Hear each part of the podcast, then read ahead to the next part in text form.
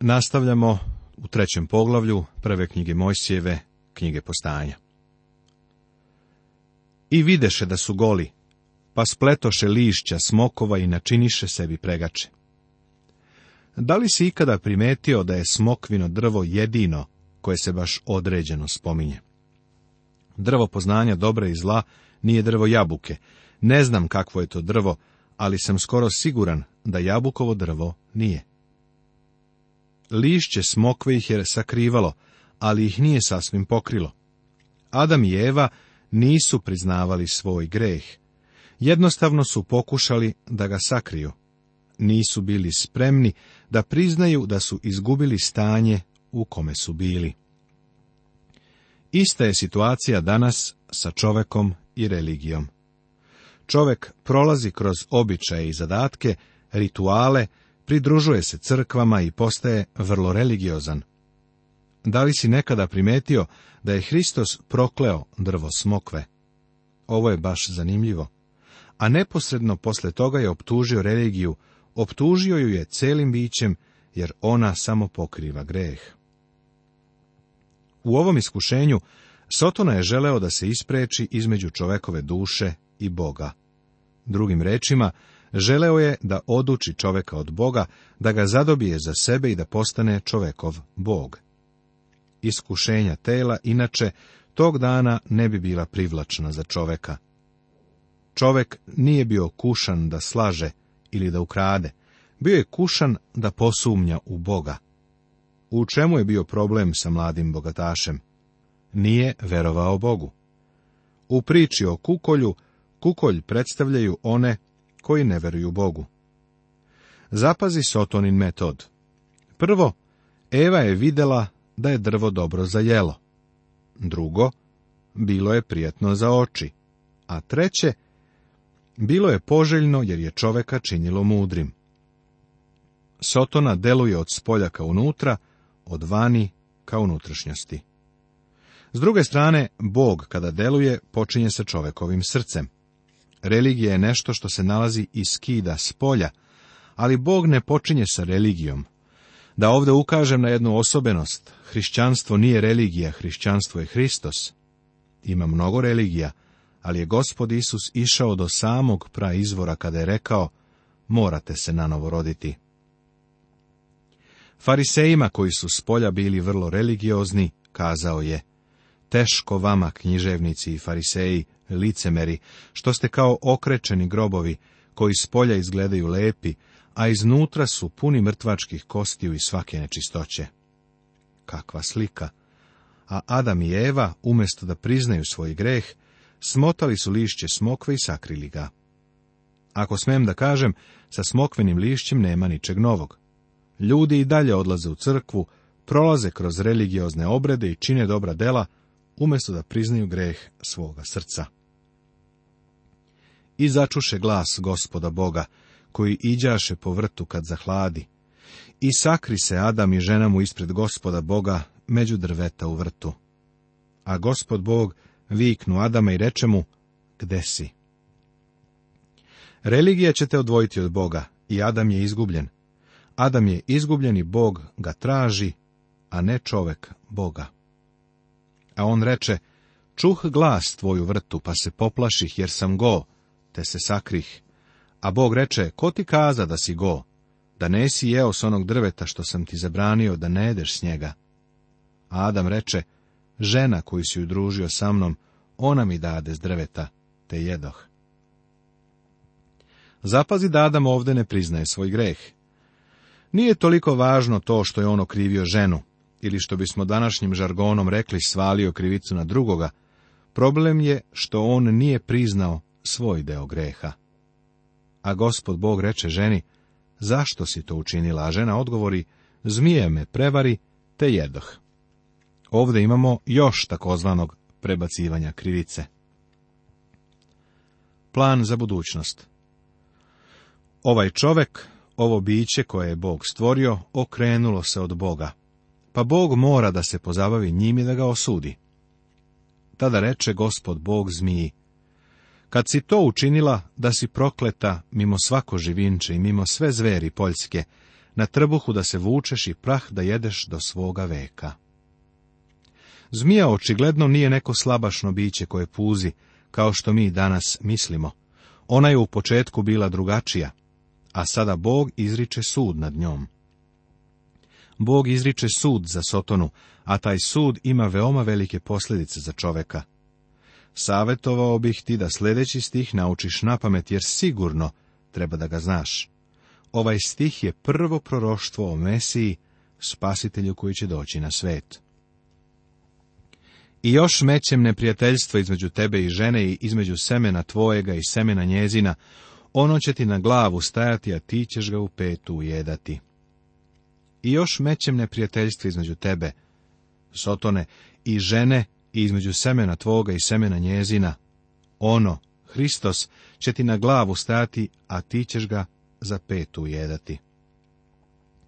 Ovo je izvanredna izjava koja nam je ovdje data. Najznačajnija misao nije konačna pobjeda koja će doći, nego dugotrajna borba. Ovaj stih otkriva činjenicu da će nastupiti dugotrajna borba između dobra i zla. To je upravo ono što u nastavku pisma nalazimo. Gospod Isus je u svoje vrijeme dao ovakvu izjavu o ovoj borbi. Vi potičete od oca đavola i hoćete da činite želje svoga oca. On je bio ubica ljudski od početka i u istini se nije učvrstio, jer u njemu nema istine. Kada govori laž, od svoga govori, pošto je laža i otac laži. Evanđelje po Jovanu, osmo poglavlje Svetoga pisma Novog Zaveta. Đavo je Sotona. Gospod Isus ovde pravi razliku između dece Božje i dece Sotonske. Ponovo u prvoj poslanici Jovanovoj u trećem poglavlju Svetoga pisma Novog Zaveta Isus spominje ovaj sukob. Po ovom se poznaju deca Božja i deca đavolja. Svako ko ne čini i ko ne voli svoga brata, nije od Boga, tako se pred nas iznosi činjenica da postoji sukob, borba, kao i da u svetu postoje dva semena. Na kraju će doći do pobede, ali je vrlo značajno da primetimo ovu dugotrajnu borbu. Svaki čovek mora da se suoči sa iskušenjem i mora da pobedi u borbi. Pre nego što je Hristos došao, pobeda se zadobijala kroz poslušnost u veri. Nakon Hristovog dolaska, moramo da se poistovetimo sa Hristom kroz veru. Šta znači biti spasen? Znači biti u Hristu. Čovek je bio jedan od tri reda stvaranja. Anđeli, čovek i životinje. Životinjama nije data mogućnost izbora, ali čoveku i anđelima jeste. Tako ovdje imamo čovekov izbor. On je doneo odluku i bio je odgovoran za nju. Zapazi da ovdje piše njeno seme. Ne kaže čovekovo seme. Ovdje imamo makar nagoveštaj devičanskog rođenja Hrista. Kada je Bog otišao u vrt i tražio čoveka, rekao je, gde si? Neke antologije religije govore o čovekovoj potrazi za Bogom, ali prijatelju, Bog ne govori tako. Da kažemo kako jeste, Spasenje je Božja potraga za čovekom. Čovek je pobegao od Boga, a Boga je zvao Gde si? Dr. Griffith Thomas u svojoj knjizi Postanje, komentari, ovako kaže. Ovo je poziv božanske pravde, koja ne može da pređe preko greha, ne može da ga previdi. Ovo je poziv božanske tuge, koja žali nad grešnikom. Ovo je poziv božanske ljubavi koja nudi iskupljenje od greha. Sve ovo imamo u stihu koji je pred nama, obećanje spasitelja koji će doći. Božja potraga za čovekom je slikovito prikazana kroz celu Bibliju, kroz celo sveto pismo. Apostol Pavle je pisao, nema toga koji Boga traži, u poslanici Rimljanima u trećem poglavlju, svetoga pisma Novog Zaveta. A gospod Isus je rekao, niste vi izabrali mene, nego sam ja vas izabrao u Evanđelju po Jovanu u 15. poglavlju. A sa Jovanom možemo reći, on je prvi zavoleo nas. U prvoj poslanici Jovanovoj u četvrtom poglavlju Svetoga pisma Novog Zaveta. Bog traži čoveka i nudi mu spasenje, ali će nastupiti dugotrajna borba. I da nastavimo sa stihovima dalje. A ženi reče, Tebi ću mnoge muke zadati kad zatrudniš, s mukama ćeš decu rađati, i volja će tvoja stati pod vlašću muža tvojega, i on će ti biti gospodar. Ovo je sud za ženu. Ona neće moći da bez muke donosi decu na svet. Zar ova istina nije zanimljiva? Ono što donosi radost u životu i produžava ljudski rod, dolazi kroz muku. Pa onda reče Adamu, što si poslušao ženu i okusio s drveta s kojega sam ti zabranio, rekavši da ne jedeš s njega? Zemlja da je prokleta s tebe, s mukom ćeš se od nje hraniti do svojega veka. Trnje i korob će ti rađati, a ti ćeš jesti zelje poljsko. Sa znojem lica svojega ješćeš hleb, dokle se ne vratiš u zemlju od koje si uzet, jer si prah, i u prah ćeš se vratiti. Ovo je sud za čoveka. Za čoveka nastupa smrt. Šta je smrt? Fizička smrt je razdvajanje jedne osobe, razdvajanje duha i duše od tela. Propovednik ovako kaže. I vrati se prah u zemlju kako je bio, a duh se vrati k Bogu koji ga je dao. U knjizi Propovednikovoj u 12. poglavlju u 7. stihu Svetoga pisma Starog Zaveta. Čovek konačno mora da da odgovor Bogu.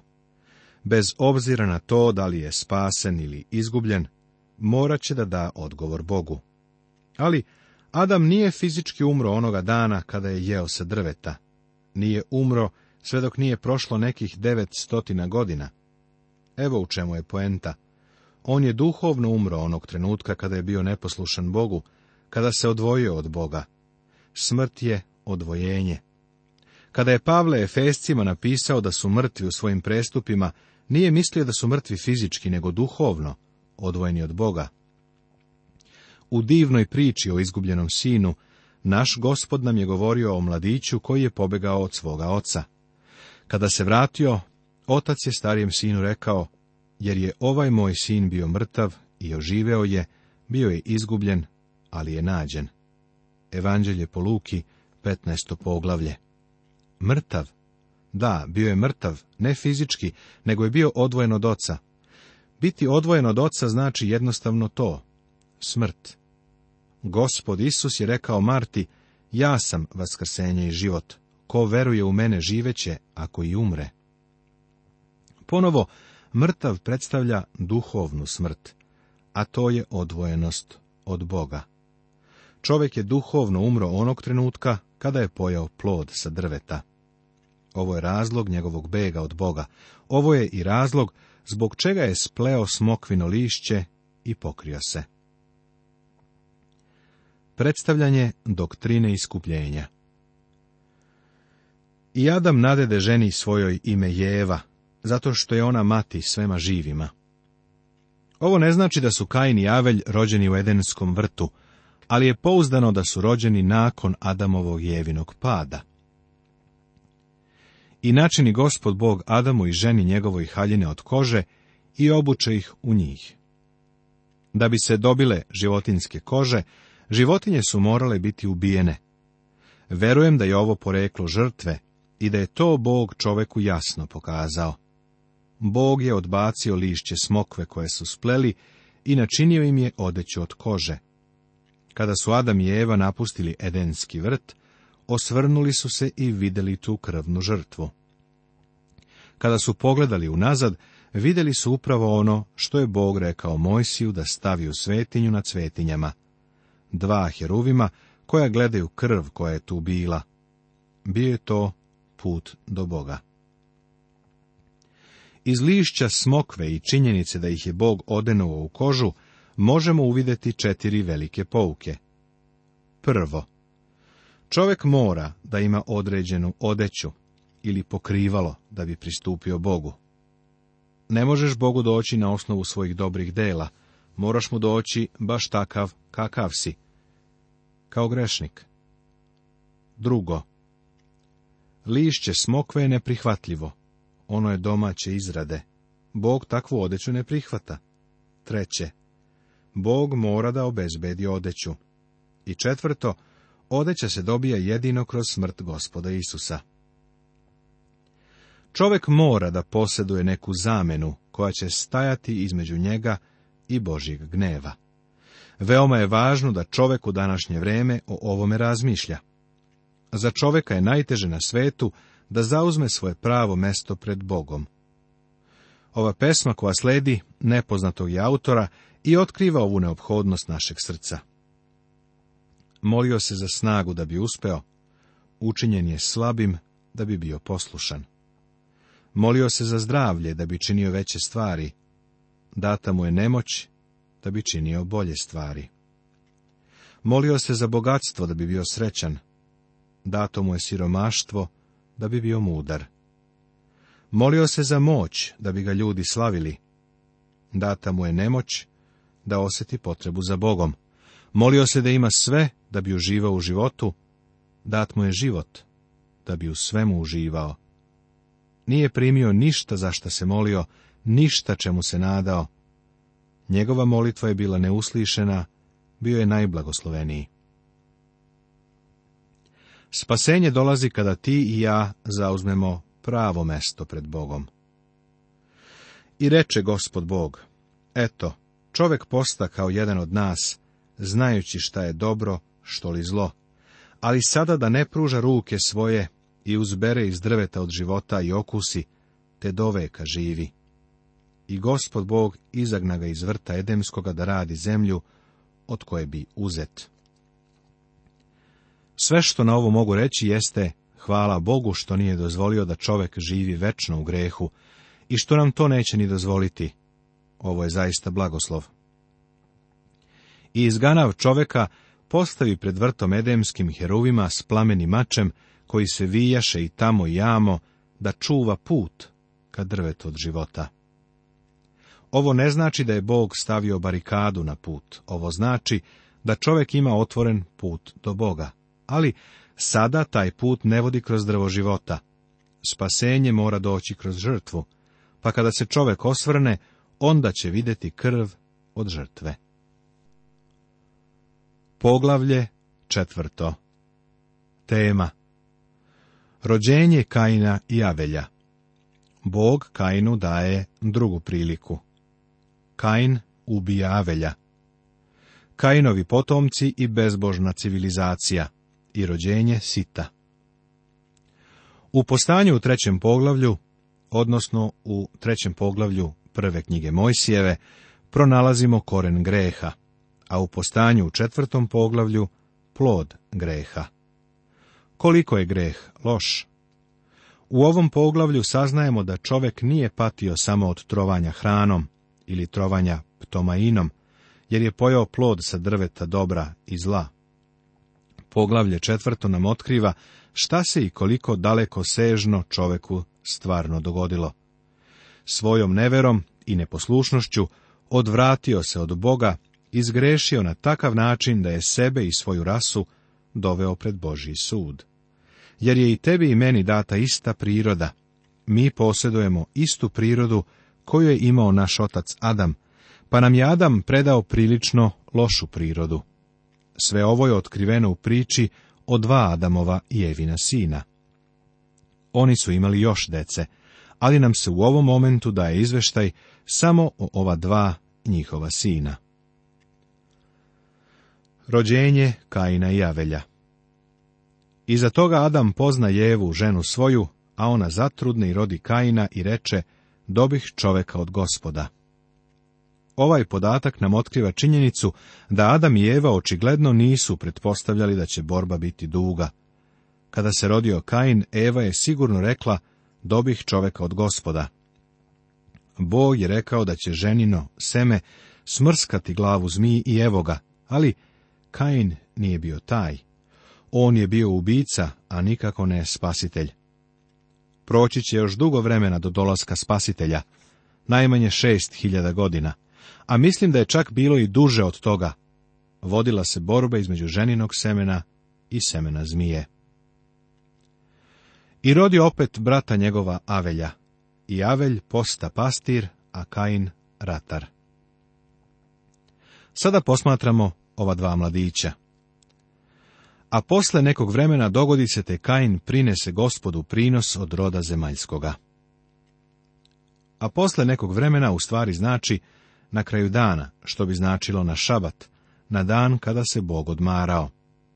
Kain prinese, ovo prinese podrazumeva prinošenje na određeno mesto. Oni su prinosili Bogu žrtve na mesto koje je bilo određeno za obožavanja. Sve ovo ukazuje na činjenicu da su ovo činili po otkrivenju.